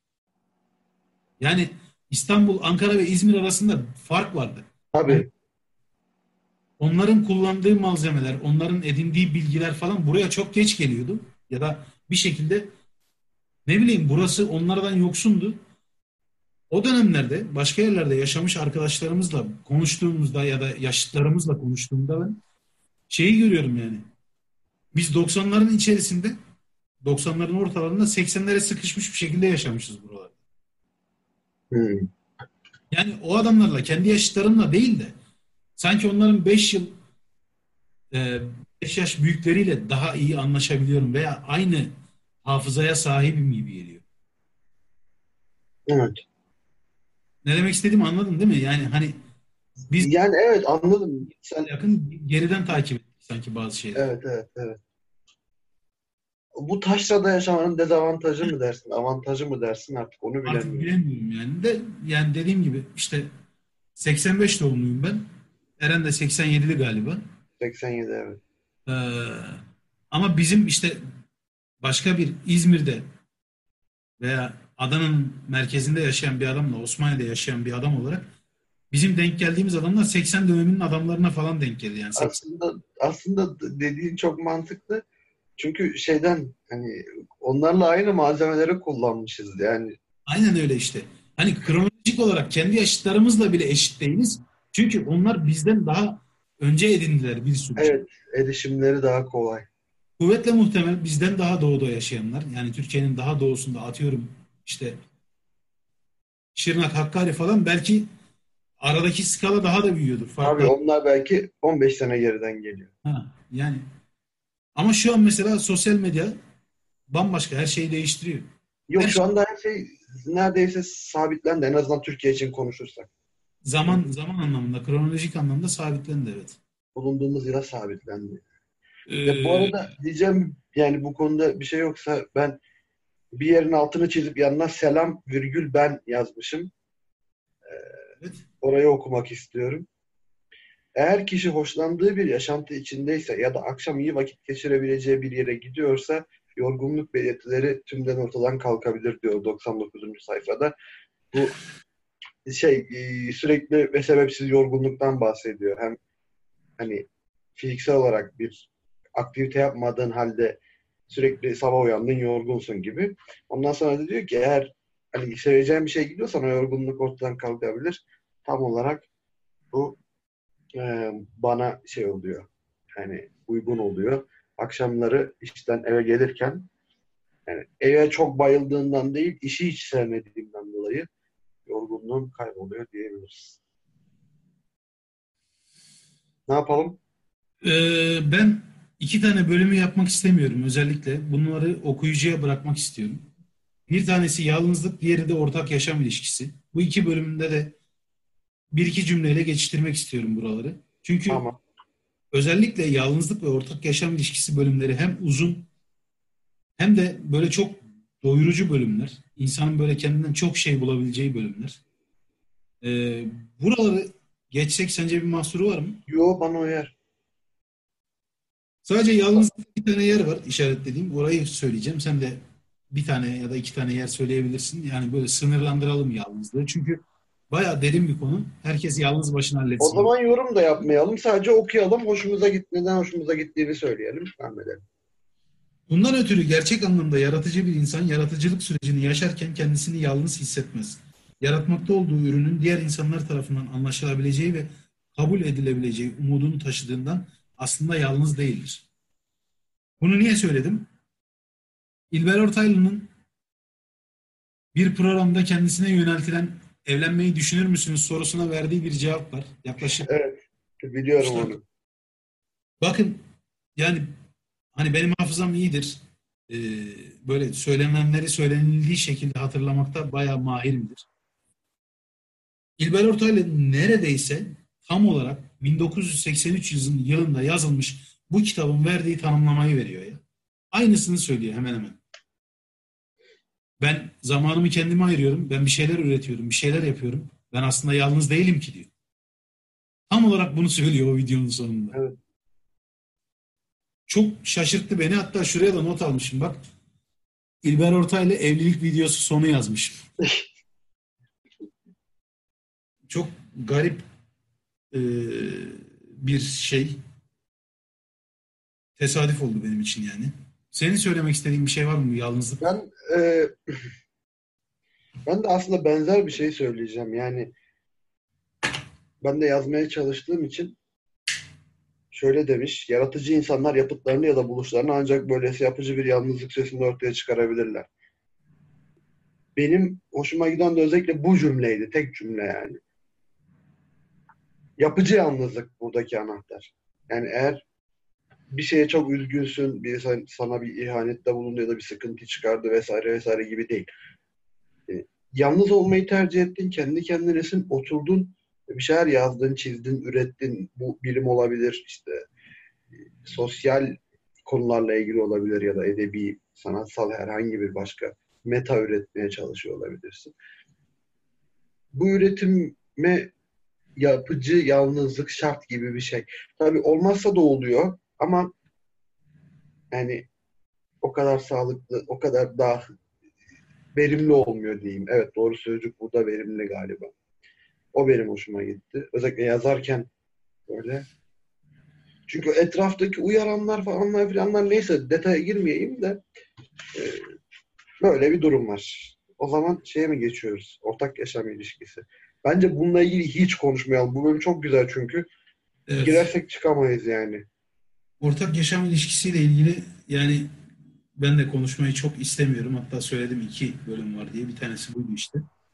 Çünkü eee, birileriyle kurduğunuz ilişkiyle alakalı bu bölümde çok şey bulacaksınız. Evet.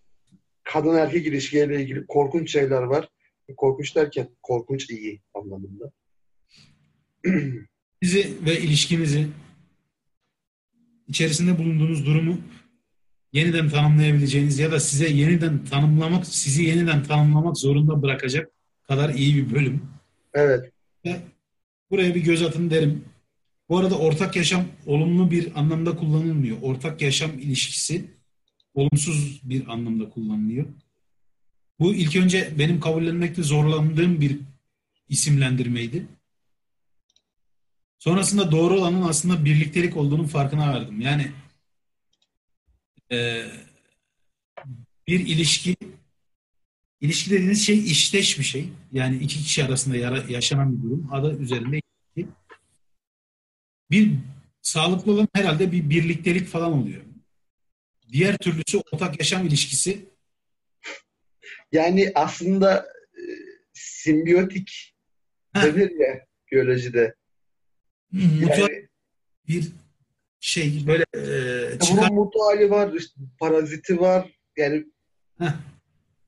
Rollerin sürekli değiştiği bir durum. Bir huzursuzluk ve dengesizlik durumu. Roller sürekli değişiyor. Bir kaçan kovalanan erkek oluyor işte. Kaçan erkek kovalanan kadın oluyor. Şey kovalanan erkek kaçan öf iğrenç bir durum oldu. neyse ben, ben dedim sana konuşma diye. Çünkü ona bir girsen maşallah olacak yani. Yani rollerin sürekli değiştiği, sürekli huzursuzluğun eee, ön planda olduğu, bir kısır döngünün ön planda olduğu bir durumun tanımlaması. Burayı dikkatlice okumakta fayda var diye düşünüyorum. Özellikle kadın erkek ilişkileri bakımından. Hemen burayı pas geç. Eee, nevrotik kısır döngüye geçebiliriz. Nevrotik kısır döngü çok hoş bir bölüm. Ve tehlikeli bir bölüm. Nevrotik tanımlaması da benim çokça yaptığım, sevdiğim bir tanımlamadır. Eren, burada konuşmak istediğin özellikle bir yer var mı? Nevrotik kişi olaylar hakkında derhal yorum yapar. Ben bu satırı okuduktan sonra arkama yaslandım şöyle. Gerindim. Dedim ki satır arasını oluşturan herkes nevrotik konuyu kapattık gidiyoruz. bir de nevrotik izledim. Dolayısıyla bakın görüyorsunuz öyle öz eleştirimi de yapıyorum. Yaparım çünkü hani Yaparım çünkü ben sağlıklı ve akılcı bir bireyim falan. sağlıklı, akılcı ve nevrotik bir birey. Benim burada tanımladığım yegane sözcük kaçınmaydı. Biraz önce senin de söylediğin. Evet. Kaçınmanın erteleme, kaçınma burada ertelemeye de denk geliyor aslında. Yani tam anlamıyla örtüşmesi de ertelemeyi de içerisinde barındırıyor diyeyim daha iyi olur. Yüzleşmekten kaçınma, sorumluluğu almaktan kaçınma. Hayattan kaçmak aslında. Aynen öyle. Kendinizden ve hayatınızdan kaçıyorsunuz. Kaçınma sözcüğü bu bölüm için en önemli sözcüklerden birisi. Yani va- varoluşunun sanki bir bilgisayar oyunu karakteriymiş gibi yaşama nevrotiklik. Çünkü ekranı kapattığın zaman mesela şunu yaptığın zaman o bilgisayar oyunu karakteri kalır ya orada. Nevrotikler de öyle düşünüyor. Kaldı. Hayır kalmıyor. Hayat devam ediyor. Bir şeyler oluyor. Sürekli bir devinim var yani. Senin uyuduğun dönemde de bir şeyler oluyor. Uyanıksan sen müdahale etmesen de etsen de yani her halükarda bir şeyler oluyor. Yani özür dilerim. Ee, kaçınarak hemen hemen hiçbir şeyi halledemeyeceğinizi hatta kaçındıkça bazı problemlerin daha da büyüyerek size geri dönecek. Evet. Problem bir birimken kaçınmanın onu zaman zaman 10 birime kadar yükseltebileceğini ve çok daha büyük problemlerle yüzleşebileceğinizi böyle tokat gibi vuruyor yüzünüze yüzünüze. Bu bölüm eee, ayrıca kısır döngüye de hani atıf var burada. Sadece nevrotiklik değil kısır döngü atıfı da var. Eee, kaçınmak kendisi kavram itibariyle bir kısır döngüye girebiliyor. Yani bir kez kaçınırsanız sürekli kaçınmaya devam etmek durumunda kalabiliyorsunuz. Ta ki o durumla gerçekten yüzleşmeyi isteyip o cesareti kendinizde bulana kadar. O kısır döngünün içerisinde bir yerden bir yere savrulup duruyorsunuz. İzninle buraya da geçeceğim. Tamam. Yaşam ve ölüm bölümünde söylemek istediğin bir şey var mı sevgili? Var. Şimdi benim en çok en uzun not aldığım, aldığım not buydu. Şöyle hemen göstereyim. Şurada iki satır not almışım. Aldığım sayfayı söylersek. Hemen yaşam ve ölümün ilk sayfası 152. Evet. Şeyden bahsediyor. E, yet, yetişkinlik ya oradan başlamayayım neyse. Toplum normlarının altına girip kendinden vazgeçen adamdan, insandan bahsediyor. Diyor ki böyle bir insan bir başka seçeneği hiç düşünmemiş olduğu için topluma boyun eğmiş biridir. Topluma yaratıcı bir boyut katmasa da var olan sistem için yararlıdır ve o çevreden saygı görür. Toplum değerleri geçerli olduğu sürece o da geçerlidir ama için için kendini değersiz hisseder. Ben bunun altını çizmişim demişim ki çok sayıda insan hem de bunu tavsiye ederler. Bunda kurtuluş bu kurtuluş yoluymuş gibi bundan kurtuluş yokmuş gibi ve bu tek kurtuluş yoluymuş gibi konuşurlar. Şöyle söyleyeyim. Hani insanı mesela erkek olduğum için erkekler bazında konuşacağım. Nedir? İlkokul, ortaokul, lise, üniversite, mezuniyet, askerlik, evlendin, çocuk yaptın. işte hani hepsinin bir böyle basamakları vardır ya ve toplum senden sürekli bunu bekler. Bunu yapacaksın, böyle yapacaksın falan. Oğlum hiç öyle olur mu bizim adetimiz var? Oğlum şöyle olur mu? Oğlum ne yapıyorsun? Aa lütfen falan. Hani işte bu toplum bu, bunu sever. Çünkü bu sorun çıkarmayan adamdır. Çünkü yani diğer herkes nasıl yapıyorsa öyle yapar. Bakın insanlar hayal gücünden, soru sormaktan, meraktan ve otoriteyi reddedenlerden korkarlar. Bu, bu kişi yani burada kitapta bahsedilen kişi bundan hiçbirini yapmıyor. Nedir? Sisteme tamamen uygun. Derler ki ya bizim Fatma Hanım'ın bir oğlu var Ahmet. Ne kadar hayırlı bir çocuk. İşte mezun oldu, askere gitti geldi, hemen işe girdi. Sonra ailesi bunu hayırlı bir kısmet buldu. Ay ne güzel evlendiler, bir de çocukları olmuş böyle. Ay ay ay bir yanakları var kuzunun görsen filan. Ne yapıyorsunuz lan siz? Manyaklar. Hepiniz aynı hayatları tekrar tekrar tekrar yaşıyorsunuz lan. Hasta mısınız? Yani tamam yaşayabilirsiniz. Bu sizin seçiminiz ama bunu başkalarına dayatmayın bari. Hani kendi sıradanlığınızı... Abi bir şey diyeyim mi? Bak bir tespit yaptım hoşuna gidecek. Sıradanlık dünyanın en bulaşıcı hastalığıdır. Hmm. Bir de bir sürü bulaştırmak isteyen gönüllüsü var. İşte hem gönüllüsü var hem de bulaşıcı hastalık. Kuluz gibi. Gelip ısırıyorlar böyle. Daha doğrusu ısırmıyorlar, fısıldıyorlar. Sıradan o sıradan boşver. Yani bir sürü içerisinde sürünün tersine hareket etmek, sürünün atıyorum kuzey yönüne gidiyorsa arkanı dönüp güney yönüne doğru gitmek hiçbir zaman hemen hemen sürü tarafından hoş karşılanmayacak bir davranış. Ya ama evet. bak şöyle bu sürü her konuda sürünün kurallarına uymak zorunda değilsin. Özellikle modern dünyada. Yani çünkü yaşayabiliyorsun kendi kendine. Hani fırıncı Ahmet bir şeyi bir şekilde yapıyor diye sen de aynı şekilde yapmak zorunda değilsin. Fırıncı Ahmet'le senin ortak özelliğin ne ki? O korkuyu anlayabiliyorum. Biliyor musun Eren? Mesela insanlar zaman içerisinde deneyimlediklerinden kendilerine bir davranış şablonu oluşturmuşlar. Birisi karşılarına farklı bir davranış şablonuyla yani o şablonlara hiç uymayan bir taleple veya davranış biçimiyle geldiğinde ne tepki vereceklerini bilemedikleri için sürekli onu bir kalıba uydurmaya çalışıyorlar. Yani evet işte. her durumun kendince bir şablonu var. Adam sen karşısına çıktığında bir soruyla veya bir durumla deniyor. Şablonları sırayla deniyor. İşte daha öncesinde o duruma benzer durumlarda kullandığı şablonların hepsini deniyor.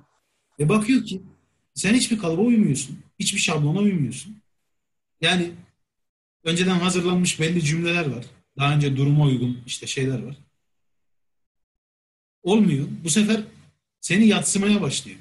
Sen sorun teşkil ediyorsun. Çünkü sen yeni bir şablon talep ediyorsun aslında veya şablonun değiştirilmesini talep ediyorsun.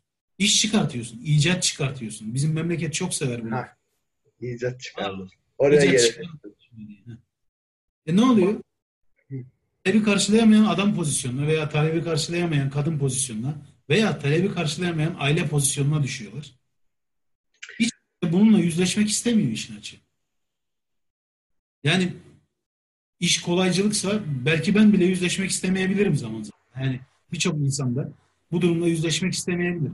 Ama kitapta yine bahsedildiği kadarıyla ve kendi hayatımdan birikimlerde edindiğim kadarıyla her durumun, her sorunun soru derken burada soru anlamında, sual anlamındaki soru ve her sorun, her problemin kendine uygun dinamikleri var. Kendi dinamikleri, kendi ee, nasıl diyeyim aurası var. Öyle diyeyim. Aura mı denir? Evreni mi var? Öyle denir. Her durum şey yani hemen hemen hani birbirine çok benzer durumlar olsa da aslında özgün, kendine özgün çözümler içerebilir. Ve herkes o özgün çözümleri bulmakta hem kolay, hızlı olamayabilir hem de buna gönüllü olmayabilir.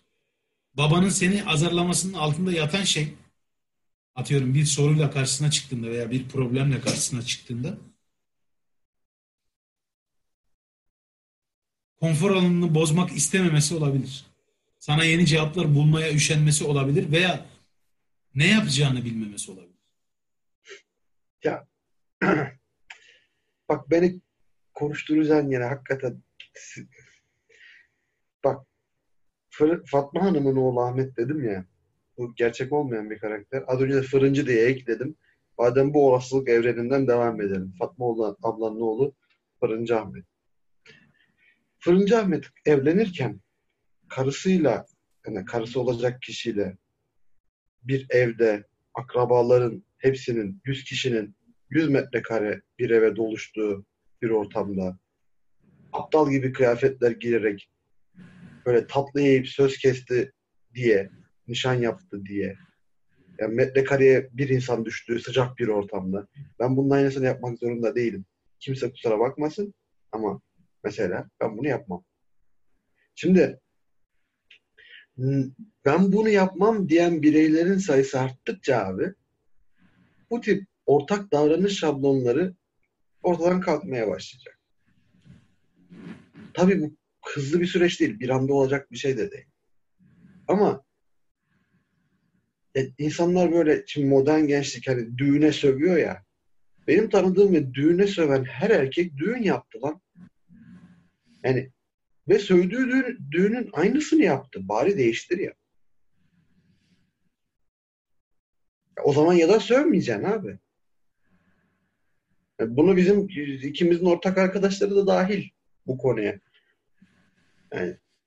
Ya aslında o sövmeler bile biraz işte değerli çabalar ya. Yani, Tabii değerli çabalar ama bak. Yavaş yavaş yaşanıyor işte. Abi bak hayaletlerden korkuyoruz. Korktuğumuz şey hayalet. İşte oğlum aman şunlar ne der? Kim ne der ya? Ben onlar için mi yaşıyorum? Ya bir iki kere ben anne babamla değil akrabalarımla bunu yaşadım. Oğlum öyle olur mu şunlar ne der? Ya derse desin bana ne dedim ya? Bir daha görmeyeceğim insan yani. İsterse bir tarafını açsın sokakta koşsun Eren böyle yaptı diye dedim yani.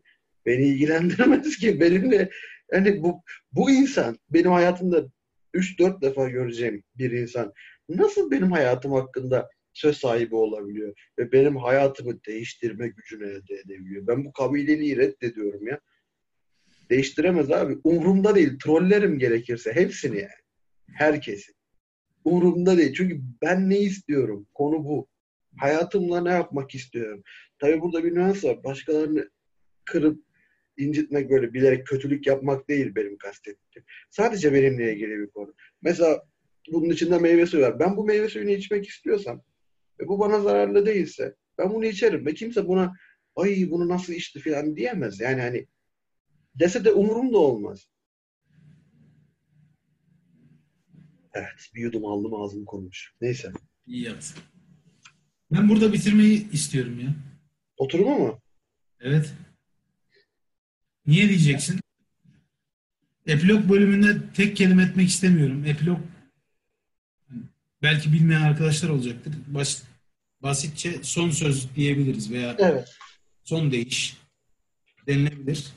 Engin Hoca'nın kendi çalışmalarını kendi ağzından anlattığı, neleri bu kitabı yazarken hangi insanları referans, hangi kuramları referans aldığını anlattığı çok hoş Engin Hoca'nın iç dünyasına daha da böyle derinine inebileceğiniz güzel bir bir de kendini yaşamak bölümü var. Orayla ilgili de kendi açımdan çok bir şey söylemek istemiyorum. Ama eğer Eren sen bir şeyler söylemek istersen bölüm üzerine. Yok ben sana saygı duyuyorum bu konuda. Ee, şey yani. Epey de uzattık zaten. Hani e, ama bu kitabı yani bitirmeden önce şeyi e, oturumu özellikle vurgulamak istiyorum. Hatta önce Eren'e söz vereyim. Eren rahatça bitirsin. Son sözünü söylesin. Son... Ben şey yapacağım yalnız. Çekiliş yapacağız ya. Aa evet. Sen söyle o yüzden.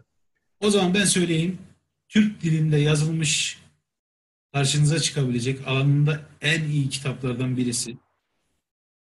Aldığınız, yani satın aldığınız paranın yani bu, bu kitabı edinmek için verdiğiniz paranın her kuruşuna değecek bir kitap. Ben e, farklı yaşlarda mutlaka farklı zamanlarda okunması gerektiğini düşünüyorum. O yüzden eğer kitabı almakta tereddüt eden birisi varsa bunları dinledikten sonra bile tekrar vurgulamak istiyorum ki hani mutlaka edinin. İnanın bana verdiğiniz paranın her kuruşuna değecek ve sizi birçok farklı pencereden bakmaya zorlayacak bir kitap. Mutlaka edinin derim. Kitapla ilgili son olarak söylemek istediklerim bunlar ve ben başka bir şey söylemek istemiyorum kitap. Ben de kitapla ilgili şöyle söyleyeyim. Yani ben bir Türk'ün yani bizden birinin böyle bir şey yazabileceğini düşünmezdim. Çünkü biz çok duygusal olmaya teşneyiz. Ve konuları bu kadar objektif olarak değerlendirmek biraz sanki daha katı uluslara yönelik bir hareket ama Engin Geçtan yani Dişat'ın da az önce söylediği gibi çok muhteşem bir şekilde bir kitap yazmış. Herkesin kendinden çok acayip şeyler bulacağı ve rahatsız olacağı, mutlu olacağı ya da düşünmeye sevk olacağı bir eser. Zaten bizim bir oturumu iki, bu 18. oturum oldu galiba. İki bölümde yaptığımız ilk kitap aynı zamanda toplamda 4 saati geçkin herhalde 4,5 saate yakın konuşmuş olduk bu kitap hakkında. Ki bizim ilk oturumumuz Harari'nin şeyiydi, e, Sapiens'iydi. Nasıl yapacağımızı bilmediğimiz için 3 saat falan sürdü galiba o oturum. Şimdi çeksek muhtemelen o oturumu maksimum 2 saatte, maksimum 2 saatte bitiririz. E, hani oradan şey yapabilirsiniz. En uzun oturumumuz 2 saat gibi düşünebilirsiniz. Bu dört buçuk saate yakın sürdü. Demek ki bu kitapta hani çok beğendik ve çok değişik, çok önemli şeyler var. Bazı bölümleri bilerek konuşmadık. Onu sizlere bırakmak istedik. Spoiler vermemek gibi değil. Nasıl? Bırakılması gerekiyor. Yani bir insanın öznel olarak değerlendirebilmesi gerekiyor. Yani. Evet. Şimdi e, kitap çekilişi yapacağız. E, bu arada bundan sonraki kitabımız Çar'ın önerdiği Selçuk Re Şirin'in e, Yol Ayrımındaki Türkiye'ydi değil mi kitabın ismi? Yol Ayrımındaki Türkiye isimli eseri. Ondan sonraki kitabı ben söyleyeceğim. Çağrı sen şimdiden söyle dedi ama niyeyse ben bunu düşünmedim ve bunu düşünmediğimi şimdi fark ettim. Aslında Silmarillion'u düşünüyordum. Ama Yapma. Ama onu da arkadaşlar böyle çok ağlıyorlar. Yapma, etme, eyleme filan gibisinden. Ee, ne, ne söyleyeyim? Hangi kitabı söyleyeyim? Yani onu belki Telegram grubunda kendi aramızda kararlaştırabiliriz ya. Şimdi şu an şey olmasın, konusu olmasın. Bence çekilişimizi yap, bitirelim. Sonrasında duyururuz kitabımızı. kitabımızı. Zaten Çağrı'nın yani bir sonraki kitabımız Çağrı'nın Evet, iki hafta sonraki kitabımız işte belli Selçuk Şirin'in Yol Ayrımındaki Türkiye isimli kitabı. O zaman ben ekran paylaşıyorum. Şuradan şu şey dedim. Geldi değil mi ekranım? Evet. Tamam. Şimdi bize üç arkadaş yorum yapmış. Yapılan yorumları ben önce bir okuyayım. Apple Podcast'te gelen yorum Tarçınlı Kurabiye. Yayınlarınızı dinledikçe bir zamanlar koşa kısa süreliğine de var olsa olmuş tabiri caizse Ölü Ozanlar Derneğimizi hatırlıyorum. Umarım sıkılmadan, usanmadan gittiği yere kadar devam edersiniz. Popülerlik amacı taşımayan samimi bir oluşum demiş. Teşekkür ederiz. Yani ne kadar devam ederiz konusunu bilmiyorum açıkçası. Dilşat'ın da bir fikrinin olduğunu zannetmiyorum. Var mı bir fikrin? Ne kadar devam edebileceğimiz konusunda mı? Evet. Yani bu bizim vlogumuz. Bilmem. Umarım uzun süreler devam eder. Ben de öyle umuyorum. Ama e, bakalım hayat. Nasip. Ekşi Sözlük'te yapılan yorumlar e, en Yoruichi yazmış. Yoruichi. Evet. Bleach'ten sevdiğimiz bir karakterdir. En son oturumları da, oturumlarında Mahfi Eğilmez'in değişim sürecinde Türkiye kitabını konuştular. Kitabı okumadığım için podcastlerini dinlemekte bir çekince yaşamıştım ama diğer podcastlere nasıl bayıldıysam buna da o kadar bayıldım. Bu akşam Ankara'da hava çok güzel. Mükemmel bir sohbet. Arka planında bu güzel havada yürüyüş yaptım. Nasıl iyi hissediyorum kendimi şu an anlatamam. Podcast sıklığınızı artırın lütfen demiş. Ee, teşekkür ederiz. Podcast sıklığını arttırma konusunda yani yeri geliyor biz ne yazık ki iki haftada bir kitabı zor bitiriyoruz. yani ben değil ama bazı arkadaşlar isim verip rencide etmek istemiyorum burada. Zor Sen burada ben bahsedeyim bana mı öyle geliyor pis herif? o yüzden yani haftada bir yapmak gibi bir düşüncemiz vardı bir zaman ama pek olası gibi görünmüyor sanırım. Yok, Böyle yok. devam ederiz muhtemelen. Ama teşekkür ederiz güzel yorum için. Bir Homo sapiens yazmış bir de. Podcastlerini yakın zamanda keşfettim. Önce okuduğum kitapların tartışıldığı oturumları dinledim. Fakat sonra dayanamayıp okumadığım kitapların oturumlarını da dinledim keyif alarak. Her ne kadar detaylı ve bol, bol spoiler içeren tartışmalar da olsa kitapları hemen alıp okuma isteği uyandırdı. Kısacası bağımlılık yapabilir. Umarım atarak devam eder oturumlar. Hatta belki film üzerine oturumlar yaparlar demiş. Bu da bizim bir düşüncemiz aslında ama bunu gerçeğe çevirebilir miyiz? Bu ve bunun gibi her yani oturup normal muhabbet eder gibi oturum yapmak da istiyoruz bazen. Ya da işte herkesin kendi aramızda bildiği alanlar üzerinden oturumlar yapmayı da düşünüyoruz ama bu düşünceler ne zaman gerçek hayata dökülür bunu bilemeyeceğim. Şimdi çekiliş yap diyorum. Gördüğünüz gibi tarçınlı kurabiye, yoruichi ve homo sapiens İki tane asıl talihli, bir tane yedek talihli çekiliş yaptık. Çok güzel. Ben az önce bir çekiliş yapmıştım denemek için. Aynı çekiliş listesi bir gün geçmeden tekrar çekilişe katılamaz diyor. Ee, ne kadar güzel değil mi? Evet evet. Aşırı in, inanılmaz güzel. O zaman şöyle yapacağız.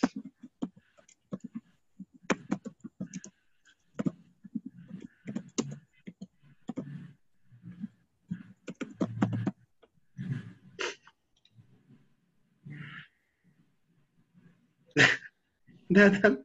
Aa tabii. Şöyle.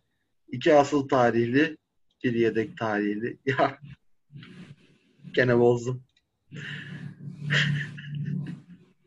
Abi Çağrı'yı çağırır mısın lütfen ya? Ay ay.